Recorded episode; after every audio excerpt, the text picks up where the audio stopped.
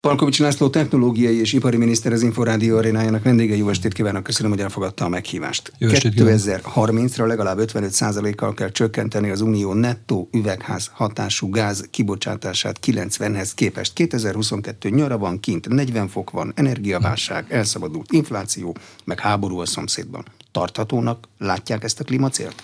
Én azt gondolom, hogy igen, Magyarország 1990-hez képest egészen jól áll, ugye a 2020-as számaink már látszanak, 21-es számokat még most fogjuk majd megkapni, de 34% csökkentésnél tartunk, tehát a 34%-hoz kell képest értelmezni az 55%-ot, és hát ugye ezek nem véletlenül megtörténő dolgok Magyarországnak, persze, ha ezt előnynek tekinthetjük, ami legalábbis az elmúlt időszakot illeti, történt egy erőteljes termelési struktúraváltás, tehát a korábbi 90-ben jellemző nehézipari környezet megváltozott, és áttértünk egy high-tech iparra, és hát oldatlanul az ilyenfajta áttérések, ezek azt is jelentik, egy sokkal nagyobb mértékben energiaoptimált és kibocsátás optimált iparról beszélünk. De látjuk már azt is, hogy a elkövetkező időszakban 2030-ig ugye van még 8 évünk, melyik azok a nagyobb ügyek, amik ezt tovább fogják csökkenteni. Ha szükséges néhány példa, például 2025-ig be fogjuk zárni a Mátrai erőműnek a lignit blokkját, ez önmagában 11 néhány százalék pontnyit fog hozzátenni ehhez, de tehát ezzel oldatlanul már rögtön ilyen 44 néhány százalék környékére ugrunk, illetve hát azok az ügyeink, amik, amik most zajlanak vészes mértékben, vészes, most ezt pozitívan értjük, nő a naperőmű kapacitásunk szám, ugye 2030-ig az eredeti terveink szerint azt szerettük volna, hogyha 6 gigawatt telepített naperőmű kapacitásunk lenne. A jó hír, hogy ez a 6 gigawatt ez jövőre, jövő végén már rendelkezésre áll, és a mostani terveink szerint 2030-ban ez már 12 gigawatt lesz. Ez persze azt jelenti, hogy ez a kapacitás, ez kivált olyan kapacitásokat, olyan foszilis erőművi kapacitásokat, amelyek viszont hozzájárulnak ahhoz, hogy tudjuk csökkenteni. Tehát én nem a 2030-an nem látok igazán nagy problémát. A másik vállalásunk viszont a 2050, amire azt mondtuk, hogy akkor Magyarország Magyarország már teljesen karbon semleges lesz. Ez azt jelenti, eh, hogy amit kibocsátunk, eh, azt egyébként el is eh, nyeli a magyarországi növényzet, tehát ilyen értelemben odáig kell eljutni. Az már egy nehezebb feladat, de arra vonatkozóan is tudjuk, hogy mit kell tenni. De az még meglehetősen messze van. Most van elképzelésük arról, hogy honnan lesz elérhető és megfizethető energia az Európai Uniónak? Itt egy másik kérdés vetett most föl, ami a kettő persze összekapcsolódik azért egymással. Ugye az a helyzet, ami kialakult, ez megkezdődött az energia áremelkedéssel, és hát ezhez járul hozzá ugye az ukrán és az orosz konfliktus, ami átrendezte teljesen a viszonyokat. Ez önmagában persze egy nehéz helyzetet eredményez, hiszen hozzászoktunk ahhoz, hogy ilyen csöveken keresztül érkezik a gáz, érkezik az olaj, és ez egy kényelmes helyzetet teremtett. Elkezdtünk persze foglalkozni Európában azzal, hogy hogy lehet ezt helyettesíteni, de a kényszer nem volt annyira erőteljes. Na most az. Tehát az a kényszer, hogy gondoljuk át, hogy milyen energiát akarunk használni. Nem csak azért, mert zöldítjük a környezetünket, meg megfizethető legyen, és két nagyon fontos dolog, hanem azért is, mert nincs. Tehát ha elzárjuk a csapot, és ezt most látjuk az északi áramlat esetén, akkor, akkor nem jön ez az energia. És hát nyilván itt olyan energiát kell tudni építeni, amit az európai országok otthon elő tudnak állítani. Ami ennek a pozitív következménye, hogy egyáltalán most beszélhetünk ilyenről, Magyarország esetében mindenképpen az, amit mi itthon elő tudunk állítani, azok nagyon nem foszilis energiák. Van még valamennyi Magyarországon olaj is, meg gáz is, meg egy kicsit tudjuk növelni a kitermelésünket, de azért ez véges, ez határok, határokat jelent. De ahol nincs ennek ilyen értelemben limitje, ez például a naperőmű kapacitás, hogy mondtam az előbb, hogy hol tartunk, ezt tovább tudjuk, tovább tudjuk növelni. Tehát ilyen értelemben az a kényszer, ami az itthon előállított energiát jelent egyáltalán, hogy legyen, az nem csak ahhoz vezet, hogy lesz ilyen típusú energiánk, hanem ahhoz is vezet, hogy ez zöld típusú energia lesz. Tehát ilyen értelemben a kettő összekapcsolódik. Persze ennyire, ahogy elmondtam, ez most nem egyszerű, hiszen a, az időjárás függő energiaforrások esetében, amikor éppen nem süt a nap, akkor is el kell látnunk az ipart, a háztatásokat, tehát kell úgynevezett kiegyenlítő kapacitás. Most ennek a, ennek a tervezése zajlik, hiszen ez a kiegyenlítő kapacitás lehet úgy is, hogy beindítunk egy, egy mondjuk gázos erőművet, vagy gáz helyett hidrogént használunk, és akkor ez is zöld. De, de úgy is lehet egyébként, hogy azt az energiát, amit mondjuk a atomerőmű, ami szintén ilyen értelemben karbonmentes energiát jelent, az éjszakai áramnak az eltárolásával, vagy pedig annak a nap energiának az eltárolásával, amit éppen nem tudnánk felhasználni, és le kéne kapcsolni a napelemet, akkor inkább ezt ne kapcsoljuk le, hanem tárjuk egy akkumulátorba, vagy állítsunk elő belőle hidrogént, és akkor akkor használjuk ezt, amikor nincs. Tehát itt, itt látszik az, hogy ez a kényszerhelyzet, amivel most szembesülünk, ez viszont automatikusan, most azt kell mondanom, hogy automatikusan az fog vezetni, hogy az energiarendszerünk, energetika rendszerünk az alapvetően a zöld irányában tolódik el. De ez egy európai vállalás, hogy az energetikai rendszernek a zöld irányába kell eltolódni, és ha igen, akkor erről van egy európai megállapodás, hogy mindenki egységesen fogja csinálni. Ez a, ez a Fit for 55, ugye ez a, az a keretrendszer, aminek egyébként az elmúlt két napban pont részben az energiatanács, részben a környezetvédelmi tanács erről tárgyalt, ennek bizonyos elemeiről tárgyalt. Nagyon sok eleme van, mert esetleg majd rátérhetünk az energiahatékonyság, tehát hogyan fogyasszunk az adott feladat elvégzéséhez kevesebb energiát, növeljük a hatékonyságát az energiafelhasználásunknak. Nézzük azt meg, hogy hogyan tudunk olyan ösztönzőket beépíteni, ami nem a pazarlásra ösztönöz, hanem arra ösztönöz, hogy akkor valóban takarékosabban kezeljük ezt. Ez nem azt jelenti, hogy azt akarjuk, hogy kevesebb energia legyen. Én azt nem tartom szerencsésnek, hogy azt mondják itt európai politikusok, hogy akkor majd télen 18 fokban üljünk otthon. Én azt mondom, hogy ennyire nem rossz a helyzet, hanem inkább azt, hogy mondjuk a 40 százalék hatásfokú fék kazánt, ami már 25 éve egy kádár kockába élő embernek a, a fűtési rendszere, azt akkor cseréljük ki egy olyanra, ami, ami nem 40 százalék hatásfokú, hanem mondjuk 89-90 százalék, és utána pedig ezekkel fele akkor energiát fogyasztunk. Itt persze meg lehet kérdezni, na jó, ki fogja ezt mind fizetni? Na erre vannak rendszereink, hogy hogyan tudjuk ezt finanszírozni, meg hogyan tudjuk ezt a cserét végrehajtani. A rendszert 2021-ben fogadtuk el. Ez az energiahatékonysági kötelezettségi rendszer, ahol a szolgáltató szolgáltatókat, tehát az EON-t, az MVM-et, a MOLT, meg sok más szolgáltatót tesszük azért felelőssé, hogy ezeket hajtsák valóban végre, azon túl, hogy ez persze egy feladat, azon túl ez egyébként egy jó üzlet is, és egyre jobb üzletnek tűnik, ahogy az energiárak most látszanak. Tehát vannak megoldásaink is, vannak jó megoldásaink is. Szerintem, szerintem a mostani helyzet abból a szempontból az összes nyomorúság ellenére, ez a háború soha nem jó, tehát azt, azt nagyon el kell kerülni. De egy jó olyan kényszert jelentett, amire nekünk most reagálni kell, és a reakciók azok ebbe az irányba adnak. De például Luxemburgban sikerült egy mindenki számára kielégítő megoldást kidolgozni, mert az előzetes hírek arról szóltak, hogy mást akar a parlament, mást akarnak különböző országok. Hát egyelőre, egyelőre ugye a, a tagállamok szintjén sikerült egy olyan megoldást kidolgozni, vagy a megoldásukat kidolgozni, amiben nem volt vita. Például az energiahatékonyság kérdésében nem volt vita, tehát ebben mindenki egyetértett, hogy egyszer muszáj valamilyen módon optimálnunk a, a, az életünket, a működésünket. Tehát egy, egy gyár az ne használja több energiát, mint amit feltétlenül szükséges, és hogyha használ is energiát, akkor inkább használja a zöld energiát, tehát megújuló energiákat. Ez volt az első napnak a két témája. Ebben nem volt, nem volt vita, itt senki nem ellenkezett ez ellen.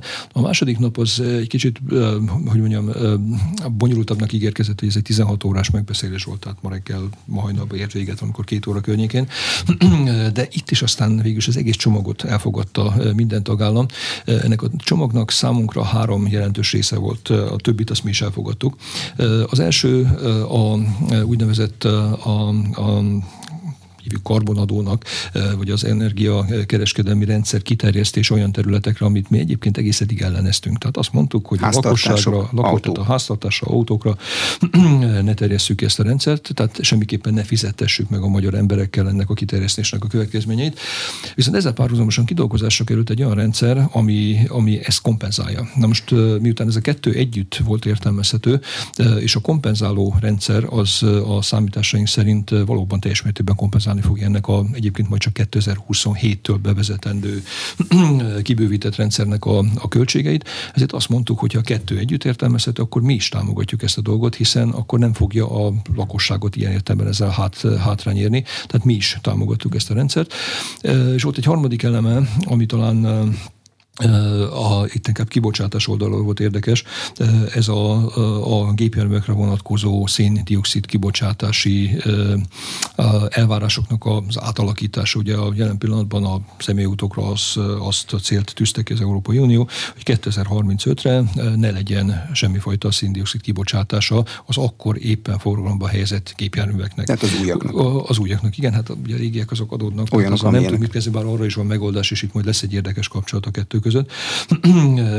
Ez ugye azt jelentette volna, hogy innentől kezdődően gyakorlatilag csak olyan autót lehet használni, amiben egyébként semmifajta foszilis kibocsátása nem lehet neki, tehát vagy elektromos, tehát vagy tisztán akkumulátorhajtás autót, vagy pedig valamilyen üzemanyagcella, vagy valami más, de egyébként semmiképpen kibocsátással nem rendelkező megoldás kell legyen.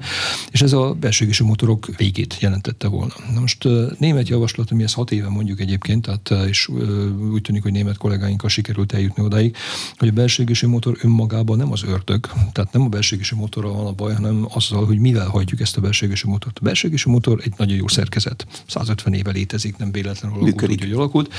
Működik, de a működése az, az csak egy, egy ügy, hanem ennek a, ennek a szerkezetnek a hatásokat lehet jelentősen javítani, meg egy egyszerű szerkezet. Ebben nincsenek ritka földfémek, akkumulátor, üzemanyagcella, ez mind bonyolult szerkezetek, de egyszerű anyagok vannak. Van benne vas, acél, van benne alumínium, műanyag, négy, ezek egyszerű ügyek.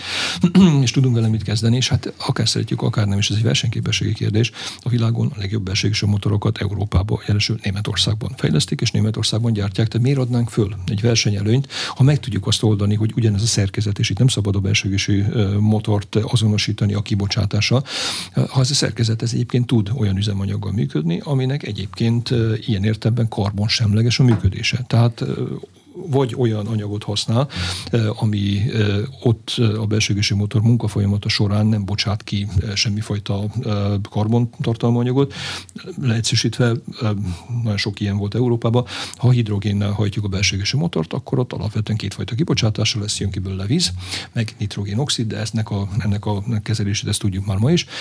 A másik pedig, hogy olyan tüzelőanyagot égetünk el ebből a belsőgési motorba, ami egyszer már az úgynevezett karbon teljesített, tehát mondjuk a szén részét, azt mondjuk hulladékból állítjuk elő, a hidrogén, tehát szénhidrogénnel valami fajta szénhidrogén, lehet ez gáz, lehet ez folyékony szénhidrogén, alapú üzemanyag, azt meg, azt meg hidrogént zöld módon állítjuk, még napellemes indítjuk kezdődően van megoldásunk arra, hogy a belső égésű motor, mint egy jó szerkezet, mint amit ismerünk, tudunk, tudjuk javítani a hatásfokát, környezetet nem terheli nagy mértékben, de 90%-ban, 95%-ban újrahasznosítható. Egy olyan hajtóanyaggal hajtjuk, ami meg a környezetet nem terheli, mert, mert, mert nincs plusz szénkibocsátása. Most ezt a német érdekes módon egyébként pont Habeck miniszter úr, ugye a kancellár helyettes, aki egyébként a zöld pártot képviselte, ők jöttek egy olyan javaslattal, amit a magyar kormány teljes messzélséggel támogatott, és ezt a támogatást a többiek is átvették. Tehát a belső motornak van jövője, csak nem a fosszilis tüzelőanyagokkal, hanem olyan szintetikus tüzelőanyaggal, ami egyébként plusz szénkibocsátáshoz nem vezet. Tehát ez mind a múlt, elmúlt két napnak az eredménye. A plusz szénkibocsátással nem járó üzemanyag előállításának a technológiája ma rendelkezésre áll, vagy arra számítanak, hogy mire majd be kell vezetni, addigra a fejlesztés elmegy, addig, hogy majd rendelkezésre áll? Ugye alapvetően 2035-ről beszélünk. A maga a, az a technológia, ami szintetikus üzemanyagokat elő tud állítani, az egy elég rendes technológia, ha valaki fölklikkel a Wikipédiára, és rákeres a Fischer-Tropsch a szintézis eljárása, akkor ezt már ott a 20-as években tudták, hogy hogy kell ezt végrehajtani, és az azóta technologizálták is. Tehát ez a technológia, ez létező technológia. Néhány év, és ennek a, ennek a technológiának már olyan szintje lesz, hogy a scale of economy mindenképpen ennek a versenyképes előállítását jelenti. Tehát ez nem egy, nem, egy, nem egy most éppen kitalálandó valami, ilyen gyárakat kell építeni. A hidrogén tudjuk, hogy hogy kell állítani zölden nyilván naperőmű, ez tökéletes erre, és az pedig, hogy hogyan lehet, hogyan lehet azt a széndiokszidot, monoxidot, ami a, ami a folyamatos szükséges, e, szintén olyan anyagból előállítani, ami egyébként már egyszer teljesítette a carbon footprintjét, azt még szintén tudjuk, tehát ez nem egy, nem egy űrtechnológia, ez egy bevezetendő, eddig azért nem foglalkoztunk vele, mert nem volt szükség. Most meg szükséges, ezt néhány év alatt az ipar elő fogja állítani. Az, hogy ez a megállapodás megszületett, azt jelenti, hogy a német autóipar vissza fog állni a belső égésű motorok fejlesztésére vele együtt a magyar autóipar is? Na most ugye a helyzet az azért nem ennyire, nem ennyire egyszerű most már, tehát az biztos, hogy annyira egyértelmű megoldása a közúti mobilitásnak, most beszéljünk erről, mert egyébként ez a szintetikus üzemanyag, mondjuk a repülőgépeknél nincsen nagyon más megoldás, szintetikus kerozin, ott nem tudunk nagyon mások hidrogént tárolni a szárnyban lévő tartályokban, mert nem tudunk. és mondjuk azért a tengeri hajók esetében, ahol most bármit elégetnek, és ömlik ki belőlük egyébként a, a széndiokszid, mikor hozzuk egyébként az LNG-t a világ távoli részéről, ezek azért mind hozzátartozók.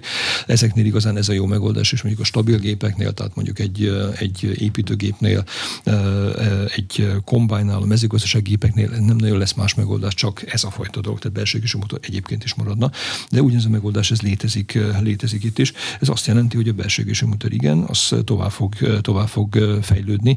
Ugye most 38-40 százaléknál tartunk a hatásokat, illetően az elméleti hatások 65 százalék, ha még ezt hozzá tudjuk tenni, és szerintem pontosan tudjuk, én motorfejlesztésre csak kicsit értek, de azok a barátaim, akik értenek hozzá, ők azért pontosan tudják azt, hogy 40 százalékról 50-60%-ra hogy lehet fölmenni, ismert módszerekkel, kenés elmélettől kezdve a mechanizmus változtatásán keresztül, az égési folyamat módosítás, ez mind alkalmas arra, hogy egy, egy jó dolgot csináljunk belőle. ez azt jelenti, hogy igen, a belségési motor az alternatíva lesz, de nem egyetlen megoldás lesz. Tehát, tehát én azt hiszem, hogy a, az a fajta, mindig ezt szoktuk mondani, ez a soros hibrid, hogy ez mit jelent. Ez azt jelenti, hogy a kereket azt egy villammotorral, egy villamosgéppel hajtom, van egy akkumulátor mennyisége a fedélzeten, amit valamivel töltök, és ez lehet belségési motor is, meg lehet az is, hogy otthon a konnektorból töltöm fel, és akkor nem kell a belségési motor. Tehát ezek a megoldások lesznek, tehát többfajta megoldás lesz. Az egész ügy, egész, az egész folyamat, ami zajlik, nagyon sok szempontból kifejezetten pozitív, tehát az a tény, hogy a hajtó erőt a kerékhez, azt egy a kerékhez közel lévő villamosgéppel oldom meg, ez a legjobb része a dolognak. Tehát az a sok kompromisszum, hogy most ma kellett motor, váltó, tengelykapcsoló, váltó, különböző tengelyek, differenciál, mi egyéb más, ezt mind elfelejthetjük, sokkal egyszerűbb lesz az autó. Villanymotor az nullától bármeddig Így van, tehát van egy elektromos gép, ami hajtja a kereket, és van valami, amiben tárolunk energiát, és az a kérdés, hogy amiben energiát tárolunk, azt hol töltjük. Otthon töltjük a konnektorból, ugye ez a plugin megoldások, tehát az tisztán elektromos hajtás, vagy pedig hibrid megoldások, hogy a fedélzeten is töltjük valamivel, és amivel a fedélzeten töltjük, az eddig alapvetően egy üzemanyagcella lehetett volna, na mostantól kezdődően a belségési motor ugyanúgy megmarad, stacionár módon működő belségési motor, ami, ami, ami, amit bekapszulázunk, tehát tulajdonképpen ugye nem hajtja direktbe a kereket, annak az égetően semmi baj nincs. Zajt alig emittál, kipufogó gáz, amit emittál, az ugye, hogyha szintetikus üzemanyag, az szintén elenyésző, de tehát ez egy nagyon jó megoldás, mert ebből lesz különböző. Tartós is, mert nagyjából azonos fordulatszámon megy mindig. Állandó fordulatszám megy, hát ott pedig hmm. tudjuk, a, tudjuk azt a munkapontot optimálni, ahol egyébként a a kibocsátás a legkedvezőbb, és nincs benne olyan ügy, amit ne értenénk pontosan. A többinél meg csak ilyen ügyek van. Azt lehet, hogy részletkérdés, de a magyarokat érdekli az autózás. Az látszik már, hogy milyen motortípus lehet fejleszteni? Otto motor, dízelmotor, vankármotor? Hát, én azt gondolom, hogy, azt gondolom, hogy a legegyszerűbb, ugye itt igen, ezek különböző, különböző kérdések. A, a vankármotornak azért nem volt sikeres a, a történelme, azon túl persze, hogy a forgódugattyús motorok azok egyszerűek, hiszen nem kell egy alternáló mozgást átalakítani forgó mozgássá. Ennek van egy csomó problémája a vankár motoroknak, például a tömítésnek a megoldás, az éltömítés, ez ugye sosem jó. De igazán, igazán akár lehet motor is, mert ne zárjuk ki azt, hogyha egyébként egy stacionár módon valamilyen keveset forgó vagy keveset használt motorról beszélünk, az lehet akár motor is. Hát motor az létezik egy processzor méretbe is, tehát például a biztonságkritikus alkalmazásokhoz vannak olyan motorok, amit rá be lehet ültetni a vezérlőegységbe, és amikor egyébként a külső energiállátás megszűnik, akkor ez a motor valamilyen módon beindul, van rajta egy kis üzemanyagtartály, és utána pedig annyi energiát előállít, ami addig, addig szükséges, hogy majd működjön a vezetésség. De most a technikai részleteibe ne vesszük el, mert erről úgy látom, mind a ketten szeretünk beszélni.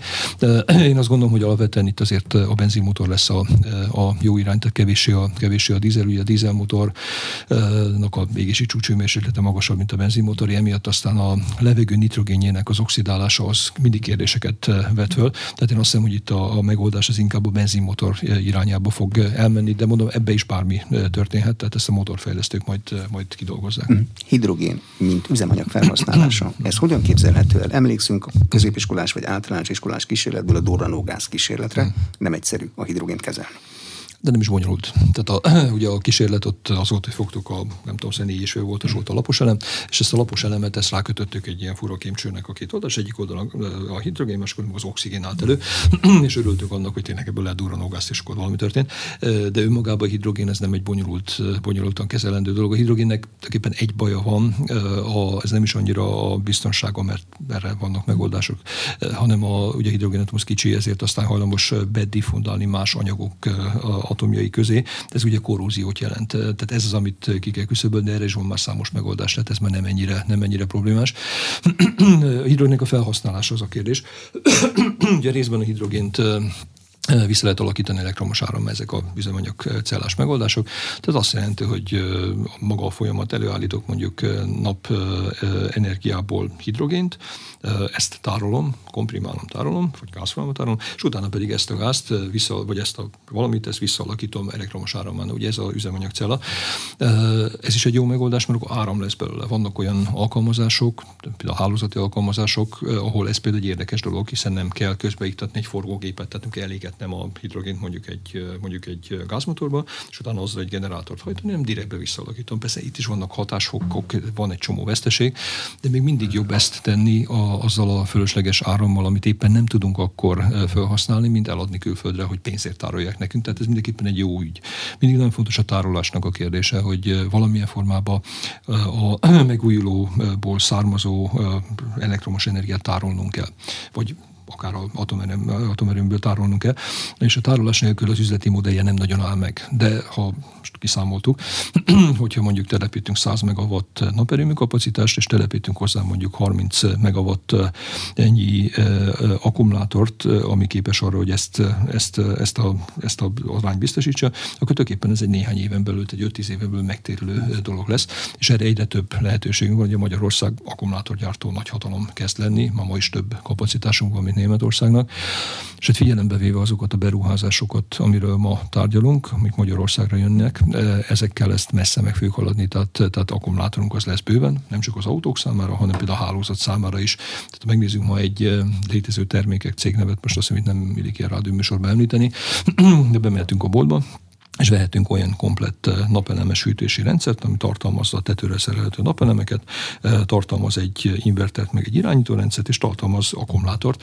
eh, és ezzel rendszerrel kiválóan lehet fűteni, meg hűteni az adott lakóházat, anélkül, hogy a hálózatot igénybe venném bármilyen formában. Hm, ez akkumulátoroknál számításra veszik azt, hogy ahhoz viszont kellenek olyan anyagok, amelyeknek a beszerzése nehézkessé válhat, ritka földfémek, egy-két helyen bányásszák a földön. Ugye ezek azok a kérdések, amik, amiket úgy meg kell majd válaszolnunk, mert egyelőre még persze minden nagyon szép szépnek tűnik, hiszen például a említett ritka földfémek kérdése, a jellegi akkumulátor konstrukciók, azok valóban ezeket igénylik, ezeket nem Magyarországon bányásszák, ezek jönnek a világ valamelyik tájáról, de utána ebből már azokat az alkatrészeket, például katódot előállítani, azokat már így csináljuk. Tehát nekünk az akkumulátorlánc az nem az alapanyag bányászattal kezdődik, de hanem az alapanyagból már az előkészített eszközök kész termékeknek vagy termékeknek az előállítása.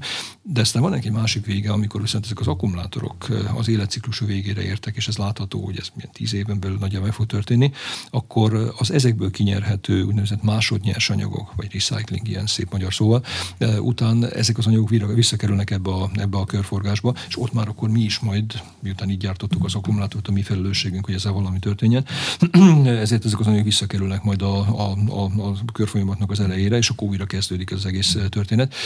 Itt Magyarország a alapanyag, tehát az elsődleges nyersanyag bányászatát hát azt ugye nem tudja, mert nincs ilyen, bár vannak ilyen kísérleteink, tegyük azt is hozzá, hiszen, hiszen litiumot de sokféleképpen lehet előállítani. Például, például a, a termálvízben, abból a kiszűréséből van litium, csak lehet, hogy nem jó hatásfokú most még, de ebbe, ebbe egészen, egészen jól állunk. Tehát most már olyan vállalatok jönnek, akik az akkumulátorgyárakon túl, azoknak a beszállítói csatlakoztunk olyan nemzetközi együttműködésekhez, ahol mi is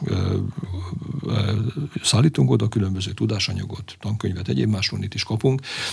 Nekiálltunk egy olyan projektnek, szintén német céggel, hogy Magyarországon létrehozzuk vele együtt egyébként Európa talán akkor legmodernebb és leg legnagyobb akkumulátor minősítő kapacitását, vannak akkumulátorokkal kapcsolatos eh, eh, kutatási projektjeink, finanszírozunk is ilyeneket, eh, tehát hogy ebbe, ebbe egészen, egészen jól tehát nem csak az akkumulátorgyár, hanem a teljes környezetét kiépítettük. Hogyan állunk az újrahasznosításon? Azért kérdezem, mert ez az ön tárcájához tartozik. Az is. Az is. Igen. Hogyan állunk ezzel? Most azt látom, hogy időnként folyópartokon látok ólomakkumulátorokat. Hát ez nem helyes egyébként. Ugye a helyzet az az, hogy itt székre válaszolunk néhány dolgot. Tehát azt szerintem mindenki érti, hogy a folyóparton nem célszerű elhelyezni az ólomakumulátorok, hiszen átveszik bármelyik mol benzinkútnál. Ez inkább az emberi slamposság, ostobaság, még rossz indulat se feltételeznék, inkább csak a tudáshiány. Erre vonatkozóan megoldást kell találni. A, nem akarok most itt a jövőbeni koncesszor helyett eh, megoldásokat keresni erre az ügyre, de, de például az üvegvisszaváltás, ez nagyon szép modell. Tehát eh, ma látunk az, árokpart, ma az árokparton látunk kidobott kólásdobozt, kidobott műanyagüveget. Mi helyett erre betéti díjat vezetünk be, abban a pillanatban ezek nem lesznek ott, hanem mindenki visszaviszi és visszaváltja. De, tehát erre, erre vannak viszonylag triviális megoldások, de ugyanezt el lehet mondani például a használt sütőolajról, ami szintén egy nem tipikus uh, uh, anyagféleség Tehát, hogy erre megoldás lehet találni egyébként, szerintem fogunk is, és nem is annyira, nem is annyira problémások ezek a anyagáramok. Van egy csomó problémás törmelék egyéb más. Hát ezzel ellen küzdünk, ugye az a két évvel ezelőtt megkezdett illegális hulladéklerakási program, ennek látszanak most már az eredményei. Büntetünk, tehát, tehát aki oda viszi, akinek a telkére lerakják, őket meg fogjuk büntetni egyszerűen azért, mert mindenki vigyázzon a saját dolgára, és ne vigye oda, illetve létrehozzuk azokat a konstrukciókat, hogy ne is legyen kényszer a magyar embereken, oda kelljen neki vinni, hanem legyen olyan hulladék oda, 24 óráig oda lehet vinni, tehát csak 8 és 12 között, amikor éppen valaki ott van, hanem rakja ott le, és inkább onnét vigyük el, és ott tartom, vagy onnét tartalman, és mint az erdőszélen kelljen ezeket összeszedni. Tehát ez a program ez egyébként zajlik. Ugye a koncesszor az érdekelt abba, hogy ezek az anyagok ezek ne szemétként, tehát ne hulladékként kezelődjenek, hanem olyan anyagként, ami újra felhasználható. Ha megnézzük például a vasat, a vas esetében ez nagyon jól látszik, nem lát erdőszélen ledobott vas, nem tudom micsodát, még a hűtőszekrények, amik oda kerülnek, annak is a burkolat az már le van véve róla, mert azt külön lehet adni. Tehát ami, ami értéket jelent, és el lehet adni, azt, azt, azt vissza, visszakerül a körfolyamatba. Ez a koncesszornak lesz a feladat, hogy ezeket az ügyeket megoldja. Egy súlypont áthelyezésnek tűnik a minisztériumok közötti feladat megosztás rendje ebben az új kormányban. Mi a logikája az ön minisztériuma felépítésének? Jelen pillanatban a minisztérium ugye nem véletlenül adtuk neki ezt a nevet. Egyszerűbb lett volna azt mondani, hogy ipari és technológiai minisztérium, és ITM-ként marad meg, de az egy névazonosság lett volna, ezért miniszterhelyettes asszony, aki nálam sokkal fiatalabb és sokkal kreatívebb, ezért azt mondta, hogy tartsuk meg ezeket a jellemzőket, de inkább máshogy hívjuk. Alapvetően arról van szó, hogy a magyar közösség működtetéséhez nagyon sok minden kell. a, ami a mi minisztériunkat jellemzi most, ez alapvetően az a fajta technológiai platform, ami ahhoz kell, hogy a magyar ipar, a magyar gazdaság tudjon működni. Mi kell hozzá? Kell hozzá egy értelmezhető ipar stratégia, kell hozzá egy munkaerőpiaci a megoldás, kell hozzá egy modernizációs dolog, ez az első államtitkárságunk egyébként. Tehát itt van az, ami ahhoz kell, hogy a magyar gazdaság működjön munkaerő, illetve technológia oldalra. Aztán ennek a működésére szükség van energiára. Ráadásul úgy van szükség energiára, hogy mellette a, a, a klíma rendszerünk is rendben legyen, tehát ezért a másik államtitkárságunk az energetika és a klíma, ezek kettő nem választható el egymástól. az a kritika szokott érni bennünket, hogy hát miért nincs egy önálló klíma környezetvédelmi minisztérium. Erre van egyszerű válasz, ellenzékünk politikaiakban nehezen tudja ezt elfogadni, de ez mind technológiát jelent a végén. Ebből a végén mindből valami olyan dolog lesz, ami aztán majd, majd iparhoz fog vezetni, vagy műszaki megoldásokhoz vezetni. Tehát jó, hogy ez egy helyen van. Van a harmadik a közlekedés, azt hiszem azt nem kell mondani, hogy mi lenne, hogyha nem lenne egy értelmeztető közlekedési rendszerünk, és van a negyedik, eh, ami pedig a környezetvédelem, illetve az úgynevezett körforgásos gazdaság. Ez magyarul egy kicsit bután hangzik, de itt arról van szó, eh, hogy a, a szemét, eh, vagy a hulladék, nem szemét, az, az egy érték, az egy anyag, és ezt hogyan tudjuk visszavinni ebbe a körforgásba. Tehát ezért alakult ez itt. Tehát minden az kell, hogy a, a gép az működjön, az, az nálunk van. Ha miniszterelnök úr szokta mondani, hogy hát ez tulajdonképpen az a gépház, aminek van egy ilyen szaja, és hogyha ha, ha ez működik, akkor senki nem veszi észre. Az természetes, hogy jön a busz, az is természetes, hogy jön az áram a konnektorból, az is természetes, hogy van a munkaerő a munkaerőpiacon, meg az is természetes, hogy elviszik a szemetet. Tehát a, a mi létünk az tulajdonképpen úgy nagyon nem látható. Ennek ellenére, hogyha nincs, akkor viszont abban a pillanatban lehet látni a problémát. Ha nincs víz, akkor baj van. És ugye most ezt látunk néhány ilyen típus ügyet. tehát, tehát gyakorlatilag itt a működtetésnek az elemei vannak nálunk, ami nincsen nálunk, és korábban itt volt. Ugye ez az innováció felsőoktatás szakképzés, ez egy másik minisztériumba kerül, de szerintem ez egy jó, jó, jó váltás volt. Részben az elmúlt nyolc évben azért ott nagyon sok problémát megoldottunk, és azt szoktam viccesen mondani, hogy ha nem tüntetnek ellenem, akkor baj van. Egyszer volt egy ilyen időszak 2018-ban, az első 35 napig nem volt tüntetés. ez természetesen most a vicces része ennek, ennek az ügynek. Egyszer csak arról van szó, hogy, hogy azokat a konfliktusokat, ami akár az egyetem átalakításoknál, akár az innovációs rendszer átalakításnál, azokat egyszer magunk mögött kell tudni, de ez most működik. Tehát ha megnézzük a számainkat, akár az egyetemeken, modellváltott egyetemeken, akár a, akár a kutatásfejlesztés, az innováció területén, ezek elkezdtek javulni. 2%-át költjük a GDP-nek felsőoktatása. Ez messze az európai átlagot meghaladja egyébként, és az európai ország között első helyeken vagyunk. És ugyanez igaz a kutatásfejlesztés, és ott elkezdődött egy nagyon jó folyamat. Ezt egy másik minisztérium viszi most, én ott nem látok konfliktusokat. Mi meg a működtetéssel foglalkozunk, tehát ez volt, a, ez volt a, az alapötlet. A minisztérium a portfóliót tekintve egy kicsit szűkebb lett, hiszen ez a terület elkerült tőlünk, viszont a mélységét illetően sokkal, sokkal erősebb lett, hiszen most azoknak a cégeknek, azoknak az állami cégeknek az irányítása, amik ehhez a gépházszerű működtetése szükségesek. Ez mind nálam van, tehát a MÁV és a Volán, ugye, nagy közlekedési rendszer, az MVM, a 120 vállalatával együtt, ugye az energetikai rendszerünk, de ide tartoznak a vízközművek, ide tartozik a hulladékrendszernek az a része, ami az állami, és hát ide tartoznak azok, a, azok az egyéb cégeink, amik például a, a, a, az ipari környezetet jellemzik. Tehát ez egy nagyon, nagyon komoly, nagyon komoly minisztérium lett, a súlyát tekintve sokkal nagyobb egyébként, mint korábban volt. Miért volt szüksége már vezér leváltására? Ugye az a helyzet, hogy a MÁV-val szemben nagyon komoly elvárás. A MÁV, a, ugye nem véletlenül vontuk össze MÁV-ot és a Holland. Azért vontuk össze, mert, mert igazán amikor közösségi közlekedési szolgáltatásról beszélünk, ez a két rendszer nem, nem választható el. Ennek az összevonások az első lépését tettük csak meg, de ez nem egy mélyreható integráció. Azért volt fontos, hogy most olyan ember vezesse a, ezt a nagy céget, tehát a MÁV és a Volán, aki mondjuk azt, hogy a kisebbik partner, tehát a, a Volán részéről jön, és be tudja hozni azokat a specifikus tudáselemeket, ami ahhoz kell, hogy egy optimális rendszerünk legyen. Tehát ez volt az indoka annak, hogy, hogy Homoly megállapodtunk, hogy ő máshol folytatja a tevékenységét, de és Hoffér urat pedig, aki eddig a Volánnak volt a, a vezetője, őt pedig a, felhúztuk a teljes cég vezetésére. Vele szemben az az elvárás, hogy egy költségoptimált, de kényelmes, gyors és integrált rendszerünk legyen. Nagyon rossz azt nézni, amikor megy a vonat és üres, és mellette megy a busz, ami tele van, holott ugyanoda mennek. Miért ennek értelme? Persze, ha valaki ezt kifizeti magának, mindenki azt hisz, amit akar, de amikor közszolgáltatásról beszélünk, és az államnak kell ezt a dolgot fizetni, az adófizető pénzéből tesszük, itt pedig muszáj az, hogy optimális legyen, megtartva persze a kényelem, a biztonság és egyéb más feltételeket. A, az utazók közönség szempontjából kell optimálisnak lennie a szolgáltatásnak, vagy a teherforgalom szempontjából? Hát ez két különböző dolog, mind a kettő szempontból, tehát az utazók, tehát a személyforgalom, az utazóközösség szempontjából kell optimális legyen, és az nagyon nem baj, hogyha ez közösségi közlekedés jelent. Mi most látjuk azt, hogy azért itt a háború, háborús helyzet miatt az energiállátásról azért mindenhol gondok keletkeznek, nyilván nálunk is. az ÖMV-nek ugye felrobbant a finomítója, onnét a kezdődően ugye nekünk kellett kisegíteni az ÖMV-t, hogy ne kelljen Magyarországon bezárni az itteni kutyait, mert nem tud szállítani üzemanyagot. Tehát ebből látszik azért, hogy ez egy, ez egy eléggé ingatag helyzetet jelent jelent, ezt Magyarországon most még tudjuk kezelni, de, de mindenképpen fontos lenne az is, hogy egy kicsit kezdjünk el optimáltabban gondolkodni. Amikor egy autóval megyek valami és ülök a dugóba, az lehet, hogy értelmesebb akkor autóbusszal menni. Itt az az államnak a dolga, viszont olyan szolgáltatást nyújtson az autóbusz vagy a vonat oldalán, ami megfizethető, olcsó, és hát gyors és kényelmes. Tehát ezért, ezért, ezért, ezért fontos, hogy ezt a kettőt megpróbáljuk összeoptimálni. Ami a kérdésem a második része volt, a teherszállítás ott a feladatunk még nagyobbak. Jelen pillanatban Európában, az Európai Unióban, és ez igaz ránk is, kicsit jobbak vagyunk, az árufuvarozásnak a nagyjából 20%-a, vagy kevesebb, mint 20%-a zajlik vasúton.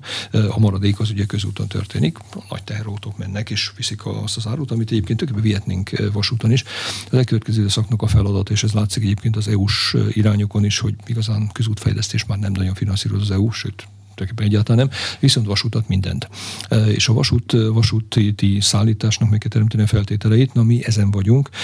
Ugye a Budapest-Belgrád áruforgalmi irány, ez nem véletlenül keletkezett. Az ellenzék szokott bennünket néha bántani emiatt, azt mindig megkérem őket, hogy számogassanak meg kicsit, és akkor majd rájönnek arra, hogy ez tulajdonképpen egy, egy jó döntés volt. Az úgynevezett V0, tehát ez a vasúti gyűrű, ami összeköti Záhonyt a, a Sopronnal vagy Győrrel, ennek is megvan a maga jelentősége, és a Dunán nem Budapesten megy át, hanem Budapestől 60 kilométerre, tehát nem terheli az egyébként is terhelt budapesti egyetlen átmenetünket. És hát most az ukrán, ukrán helyzet az mutatja, hogy például ennek a léte az mennyire fontos. Ebben például Ukrajnából gabonát kihozni tengeren keresztül már nem lehet, az áhonyi átrakó hely teljesen tele van. Tehát, tehát hogy mennyire fontosak ezek a döntések, amiket meghoztunk, tehát mennyire fontos a vasútnak a léte, és hát a fejlesztéseink ebbe, a, ebbe az irányba zajlanak jövő héten kedden írunk alá például Törökországgal, Bulgáriával és Szerbiával egy vasúti fejlesztési egyezményt, hogy hogyan fogjuk még optimáltabban kihasználni azt, ami a Pireuszt most már nem Budapesttel, hanem Tassal összekötő szakasz, és ott az országban a kelet és a nyugat irányban elmenő V0 koncepcióra épít, és sok szempontból ez a legoptimálisabb itt Európa közepén. De ezek új pályafejlesztések lesznek, vagy szervezés lesz a meglévő pályákon? Kiváló kérdés. Ebben vannak új pályák is, meg vannak olyanok, amik már léteznek. Tehát mondjuk Záhonytól tulajdonképpen nagyon kevés módosítással Záhony, Nyíregyháza, Debrecen, Szolnokig el lehet jutni, ma is optimáltan. A, ami a kérdés, hogy Szolnokot hogyan kötjük össze Székesfehérvárral. Ugye ennek a döntését hoztuk meg a, a Hungréri javaslat alapján, ez Kecskeméten keresztül történik, tehát szólnak Kecskemét, és Kecskeméttől át kell mennünk a Dunán valamilyen formában, hogy elérjünk Börgöndig, vagy tudom, a másik oldalára, hát sok megoldásunk van erre, mert, mert ott nincs ebben a pillanatban híd, és igazán a vasúti vágány is csak nagyon, nagyon régi van, tehát azt kell nekünk fölíteni, vagy átalakítani, vagy újraépíteni, hogy úgy tetszik. Tehát ez, ez mindegyiket tartalmaz, és utána megint tudunk majd aztán menni Székesfehérvárról például Komárom irányába, és utána tudunk csatlakozni újra az egyes vonalra. Tehát ennek jelentős része az ma is készen van, kell majd optimálni, de van egy, van egy komoly része, lehetséges akkor Kecskemét és Székesfehérvár között, azt meg kell építeni, ma az nincs ma sem. Látszik már ez a szállítási igény, amely ezeket az addigra megépítendő pályákat fogja használni? Hát olyannyira, olyannyira, olyannyira látszik, hogy, a, hogy ez az igény, ez egyrészt ugye az, aut, tehát az útról fog átkerülni ide, de inkrementális és növekszik egyébként a teherszállításnak a volumene. De ha megnézzük azt, hogy Európa és Ázsia között milyen, milyen gazdasági kapcsolatok alakulnak, és vegyük csak Magyarországot, most éppen 11 néhány kínai vállalatot tárgyalunk, aki Magyarországra jön, mert itt akar gyártani valamit autótól kezdődően az akkumulátoron keresztül egészen az alkatrészekig. Ezeknek szállítási igényei vannak, részben Kínából is el kell hozni ide az árut, részben pedig el kell vinni Nyugat-Európa irányába, tehát ez abszolút. És ugye hát a másik, másikon pedig a Pireuszit jelenti, ott pedig a tengeri útvonal kapcsolódik be az európai vasúti útvonalba. Tehát itt abszolút látszik, tehát mindenfajta híresztelés, hogy nem számoltok ide, hogy nem számoltok ki, miért építenénk ilyet, hogyha nem számoljuk ki, hogy ez megtérül le. Az energiabiztonság is a tárcájához tartozik, például a határkeresztező kapacitások is nyilván ide tartoznak. Ez most minden irányban megvan, vagy van még építendő? Az el kell, elmúlt 12 év, én azt gondolom, hogy mind a kapacitásoknak a szélessége, tehát hogy mennyi energiát tudunk áthozni azon, mind, mind, mind a léte az nagyon jól alakult. Most tulajdonképpen az a helyzet, hogy egyedül Szlovéniával a gáz alapú átadási kapcsolatunk az nincsen meg, ott van egy technikai egyetnemértésünk, leegyszerűsítve a cső átméri különbözősége okozza a gondot, de egyébként Szlovénia is elindult most már az áram, áramkapcsolatunk, minden irányba tudunk gázt és áramot áthozni, tehát kiépítettük ezeket az elmúlt 12 évnek az eredménye, ráadásul, ráadásul ezek között vannak olyan kapcsolatok, ami már nem csak a csőben érkező földgázra optimált például, hanem például a Krük-szigeti, eh, ahol tulajdonrészt is szerezünk egyébként, eh, LNG terminált köti össze Magyarországgal, és azon keresztül, tehát ezen a hálózaton keresztül hozzuk be a, a gáz Magyarországra. Tehát, tehát ebből a szempontból jól állunk itt. Most már a kérdés nem is annyira a, az átadás, eh, tehát hogyan jön be kívülről az az energia, amire szükségünk van, hanem hogy lesz-e a cső másik végén, vagy a vezeték másik végén energia, amit behozzunk. Tehát a kihívás most inkább az, hogyha mondjuk az orosz gázszállítás megszűnne, ez most nem fenyeget bennünket Magyarországon, de hát látjuk, hogy mi történik az északi áramlat egyesen. Ugye a déli áramlaton keresztül ezt most kapjuk ugyanúgy, hogy tegnap jelentette be pont Szijjártó miniszter úr, hogy egy hét egy hét, egy hét karbantartás után most újraindult a gázszállítás, és teljesen ütemezetten szerződés szerint kapjuk a gázt. Tehát ilyen volt nincsen probléma. De hogy honnét lesz a másik oldalon energia? De azt gondolni, hogy az orosz energia az nagyon gyorsan kiváltható, az nehéz lesz. Tehát különösen nekünk, tehát egy ilyen, egy ilyen föld tehát egy, egy, egy olyan állam vagyunk, hogy még ez landlocked, tehát egy ilyen, egy ilyen a kvázi nem tengerekkel körülvett állam vagyunk. Ide az energia az csak ezeken az átadó helyeken, ezeken a vezetékeken keresztül érkezhet, tehát ki szolgáltatva, tehát, tehát ha nem jön ez kívülről, akkor viszont belülről kell valamilyen formában azt az energiabiztonságot megteremtenünk, ahogy mondtam, pedig viszont oltatlan zöld lesz, mert ebből van a legtöbb a napsütésből. Mm. De erre megvan a kapacitás? Tehát nem lehet az egész országot teletelepíteni napelemekkel? Hát azt számoltuk ki, hogyha a, azok a barna mezős helyek, ugye barna mezőn kívjuk azt, ahol egyébként nem mezőgazdaság termelés folyik, és abban valóban egyetértünk mindenkivel, aki most fölháborodna, hogy te persze, mert, mert termőföldet akarunk befedni. Ezt is tesszük. Nyilván, nyilván ennek is mindig indoka van, alacsony aranykor értékű földre szeretünk ilyet telepíteni, de ez nem a jó irány egyébként. Megnéztük azt, hogyha teoretikusan csak napelem kapacitással akarnánk kielégíteni Magyarország energiaigényét, még akkor is lenne elegendő olyan hely, amire tudunk telepíteni napelemet elemet. Tehát néhány példa, ezek is mindig ilyen bonyolultak, meg sokan tiltakoznak ellene, például a vasútüzemi területeknek a betelepítését a vasútvonal mellett telerakjuk napelemekkel. Azt egyébként sem használjuk másra, mert az egy olyan terület. például ezek is ehhez tartoznak. Van egy csomó barna mezőnk, ami korábbi iparterületek, egyéb más. Tehát mindahogy ezt egyébként mindenhol csinálják eh, a világon, főleg Európában figyelnek erre erőteljesen. Erre lehetőségünk nekünk is van. De, de hát van, van egy csomó más energiaforrás is, nem csak a, nem csak a napelemben, ez egy legkijelentősebb. Ugye folyamatos vitát folytatunk a szél erőművek kérdéséről. Ugye itt mondtam valamit a parlamenti bizottsági meghallgatáson, hogy Magyarország az egy, az egy medencében van, ez a Kárpát-medence, és hát a szélbiztonság az nem nagyon erőteljes, és szerintem azt mondtam, hogy a Móri árok az, ahol van egy ilyenfajta szélcsatorna, vagy szelesebb csatorna. Erre az ELTE kutatói azt mondták, hogy teszi rosszul tudom, van máshol is szélbiztonság, úgyhogy holnap délelőtt megyünk az eltére, és szeretném azt, hogy ők elmondanák, hogy akkor hogy látják, és nem vagyunk semmi, semmi ilyennek a, a, az elrontói. Nekem van egy meghatározó szakmai véleményem a szélerőművekről, hogy Magyarországon miért nem érdemes szélerőművet telepíteni, de ettől még ezzel foglalkozni kell. De ugyanez igaz egyébként a geotermiára is.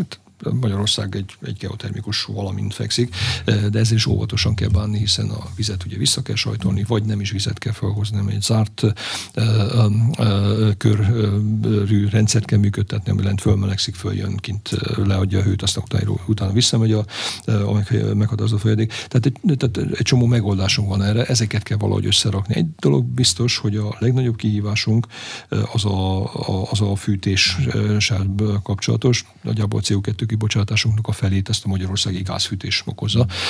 Tehát ha 2050-ben sikeresek akarunk lenni, akkor itt ez eléggé, eléggé látszik, hogy mi, mi fog, vagy mi kell, hogy történjen.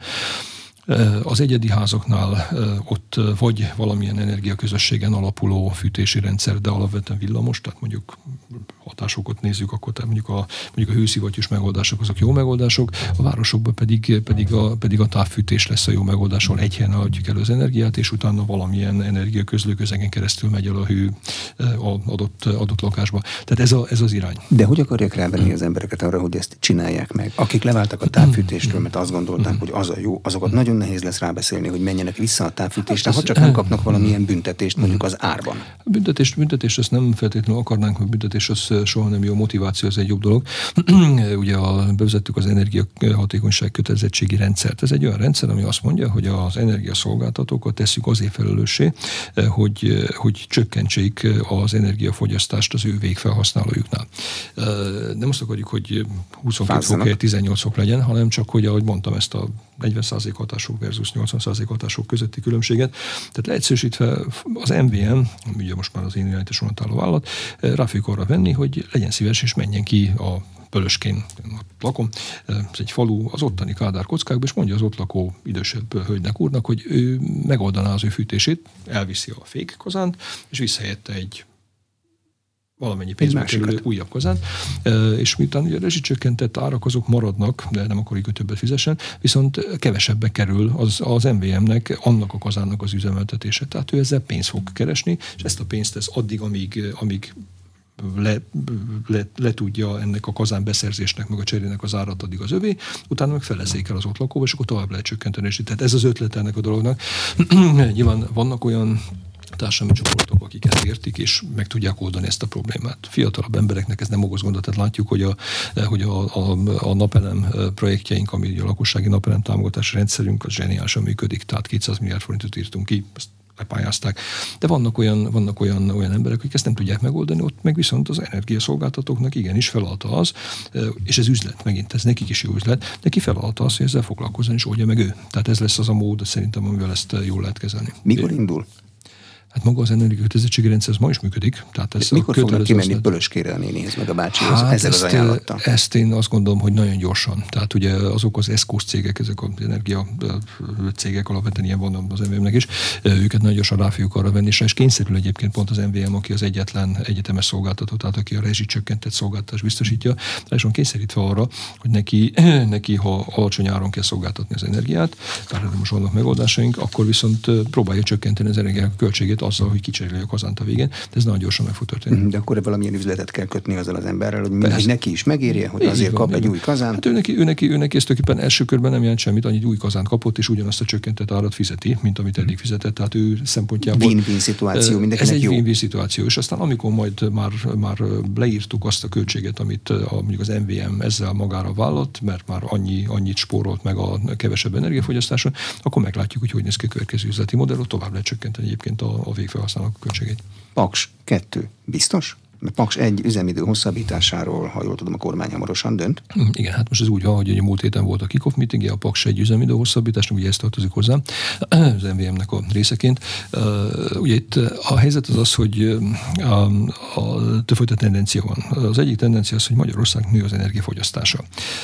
Egyszerűen azért, mert a gazdaságunk nő és erősödik. Ez egy ilyen Buda helyzet, de valóban így van, ugye az akkumulátorgyáraknak az energiigénye ez marha magas. Tehát egyszerűen, egyszerűen az a helyzet, hogy az akkumulátorgyártás az, amikor az akkumulátort gyártuk, az nem egy energia, energia vagy egy magas energiaintenzitású beruházás jelent, de akkumulátor nélkül még nincsen zöld jövő, mert nem tudjuk tárolni a zöld energiát. Tehát ez egy ilyen fura, fura megoldást jelent, ennek ezzel kell foglalkozni.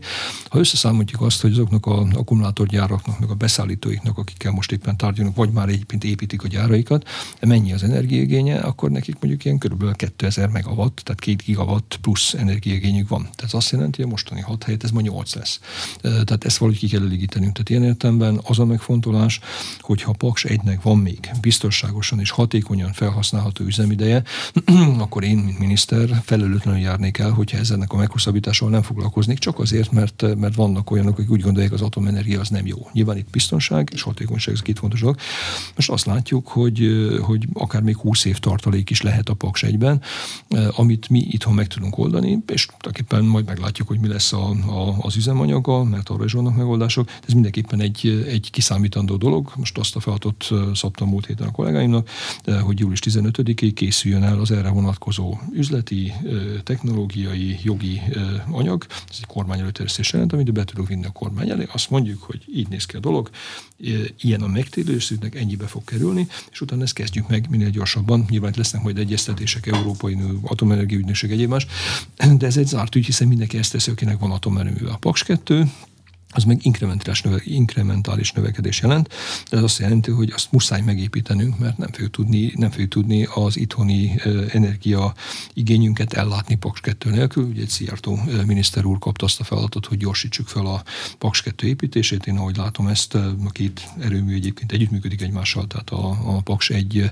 erre a projektre vonatkozó felügyelő testületében én felkértem Szijjártó miniszter urat, hogy napi információ legyen neki is arról, hogy mi történik a Paks egy területén.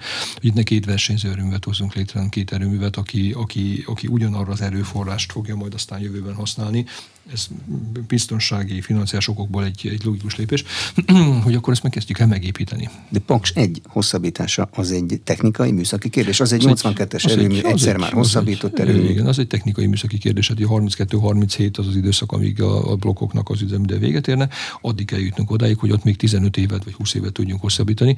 Ez egy technikai kérdés. Végignéztük a részleteit, ugye nem értek defaultba az atomenergetikához, de amit ott a műszakiak elmondtak, ezek ezek olyan ügyek, ami érthető. Tehát végig kell néznünk az épületeket, az épületek alapozását, mozogtak, nem mozogtak, mi történt velük, végig kell néznünk az összes kiszolgáló eh, berendezést, eh, ami, ami az atomerőhöz kapcsolódik. Ezek jól értelmezhető és egyszerű műszaki ügyek, tehát itt nem, nem valami maghasadásról beszélünk, hiszen azért ez nem is nyúlunk egyébként az atomerőműnek, eh, hanem olyan ügyekről, amit egyébként otthon is elvégzünk, az, amikor kihívjuk évente a, a kazánszerelőt, akkor a kazánszerelő megnézi ezt a kazánnak minden része, a szivattyúk, a zárak, nem tudom, mik az működnek -e rajta, kell kicserélni, ugyanezt történik itt is. Tehát ez nem valami bonyolult dolgot jelent, és ez jelentős, ez hazai erőforrásból meg tudjuk tenni. A fűtőanyag biztosítás, az hogy fog működni? A Rosatommal kapcsolatban a finnek mm. például lemondták a saját építésüket. Mm. Hát én azt az, a kettes, az inkább, nem az, az inkább, az, igen, tehát az inkább egy politikai döntés volt a finnek részéről. Minden ország úgy dönt ilyen ügyekben, ahogy gondolja. Mi úgy gondoljuk, hogy jelen pillanatban nincs annak indoka, hogy mi a Paks 2 projektet lemondjuk, hiszen mindenki teljesíti azokat a feltételeket, amit teljesíteni kell. Ha nem teljesít, akkor láttuk a következményt következményeit, ha nem megfelelő dokumentáció, akkor nem adjuk az engedélyt. Ez ilyen. De és ez, kapott ehhez, két fontos engedélyt is a Paks 2. És megindult az engedélyezés, ugye megvan a résholazásra vonatkozó engedély, tehát hogy ki kell ásni egy gödröt, el kell szeparálni a Paks 1 és neki kell állni ez a második engedély a talajszilárdításnak, hiszen arra a talajra, amit majd ott kiásunk, arra kerül rá a, a, az, a, az a beton platform, amire majd építik később a, a magukat, a blokkokat. De ezek megint technikai ügyek, tehát itt, nem, itt, itt, itt ez építőmérnöki feladat ebben a pillanatban nem atomerőműről beszélünk, hanem betonozással. Tehát ezt sem kell túlértékelni. Tehát ez csak úgy ugyan misztikusan hangzik, hogy nukleáris energia, de ezek mind egyszerű dolgok, amit egyébként megteszünk egy útépítésnél is. Tehát, tehát, De tehát, a fűtőanyag az meg egy üzleti dolog. Hát fűtőanyag az egy üzleti dolog. Ugye itt megint a, megint a múltkor valahol szemtámpont a parlamenti bizottság mondta, hogy meg kell fontolni azt, hogyha Magyarországon uránt tudtunk bányászni annak idején, és ha van még urán tartalékunk, azt meg kell fontolni, hogy nem akarjuk esetleg ezt folytatni, hiszen akkor maga, maga kollégám sárga pornak hívják, annak az előállítása az Magyarországon történne, hogy ebből aztán utána hogyan lesz ténylegesen fűtőelem, hol készülnek el a, a maguk, a, maguk az elemek, az egy másik kérdés, arra számos megoldás van. A Rosszatom az egyik megoldás, de ugyanilyet tud a Framatom, az francia cég, de ugyanilyet tud a Westinghouse is, és abszolút még itt tudnánk őket szerelni is. Tehát, hogy ez sem egy olyan dolog, ami, ami, ami nagyon kiszolgáltatott, tehát ez bennünket egyik irányban, legalább három-négy beszállító van, aki erre képes. Tehát ez sem kell, kell ilyen, nem tudom, túl gondolni. Egyszerűen ez egy, ez egy normál üzleti viszony, aki a legjobb ajánlatot teszi, akkor attól fogjuk ezt megvenni. Körforgásos gazdaság, ez egészen pontosan az önök értelmezésében mit jelent? Nem marad hulladék? Hát ez elvileg azt jelenteni, ha ez lenne az ideális állapot, hogy nincs hulladék, és mindent újra hasznosítunk, ami tulajdonképpen, tulajdonképpen azért így, így egy elég nehezen kezelhető dolog.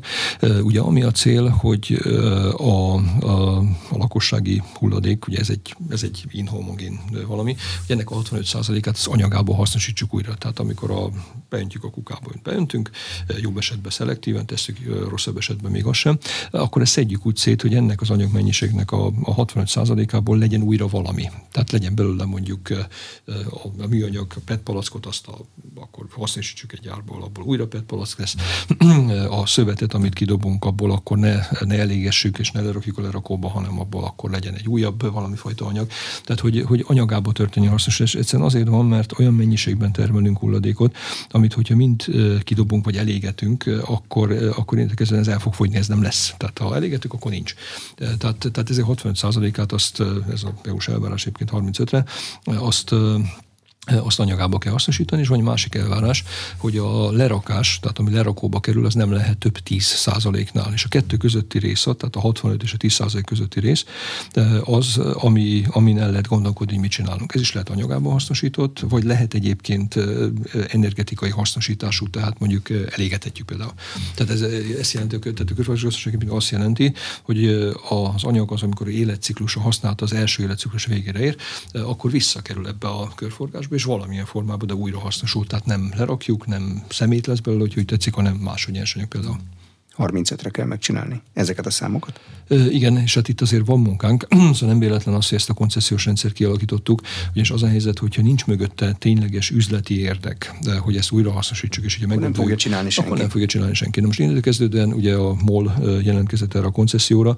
A MOL ez nem egy szeretett szolgálat, nem azért tették, mert úgy gondolják, hogy magyar, tőzsdei cég. magyarán. Az egy tőzsdei cég, tehát őnek ez üzletet fog jelenteni, és akármi is történik, hogy a MOL ebből üzletet csinál, az egészen biztos. Tehát ezért mondtuk azt, hogy legyen egy koncesszor Magyarországon nem olyan nagy a hulladék mennyiség, az ország sem olyan nagyon nagy, hogy ez indokoljon azt, hogy különböző módokon kezeljük ezt. Én abban nagyjából százszerzékig biztos vagyok, hogy a MOL ezt meg ez mert üzleti érdeke. Tehát a, amikor Hernádi úrral még egyszer korábban beszélgetünk, azt mondta, hogy szívesen csinálnának egyébként műanyag feldolgozó üzemet, de amíg nem látják azt, hogy van garantált tiszta műanyag a bemeneten, addig ennek nem nincs értelme nekiállni, mert ha neki ezt ki kell szedni a lerakóból, meg össze kell szedni, de az nem megy. Tehát ezért kell, hogy legyen egy egységes rendszere, és azt gondolom, hogy, azt gondolom, hogy a mi viszonyainkhoz ez egy koncesszoros modell, ez pont, pont a jó modell.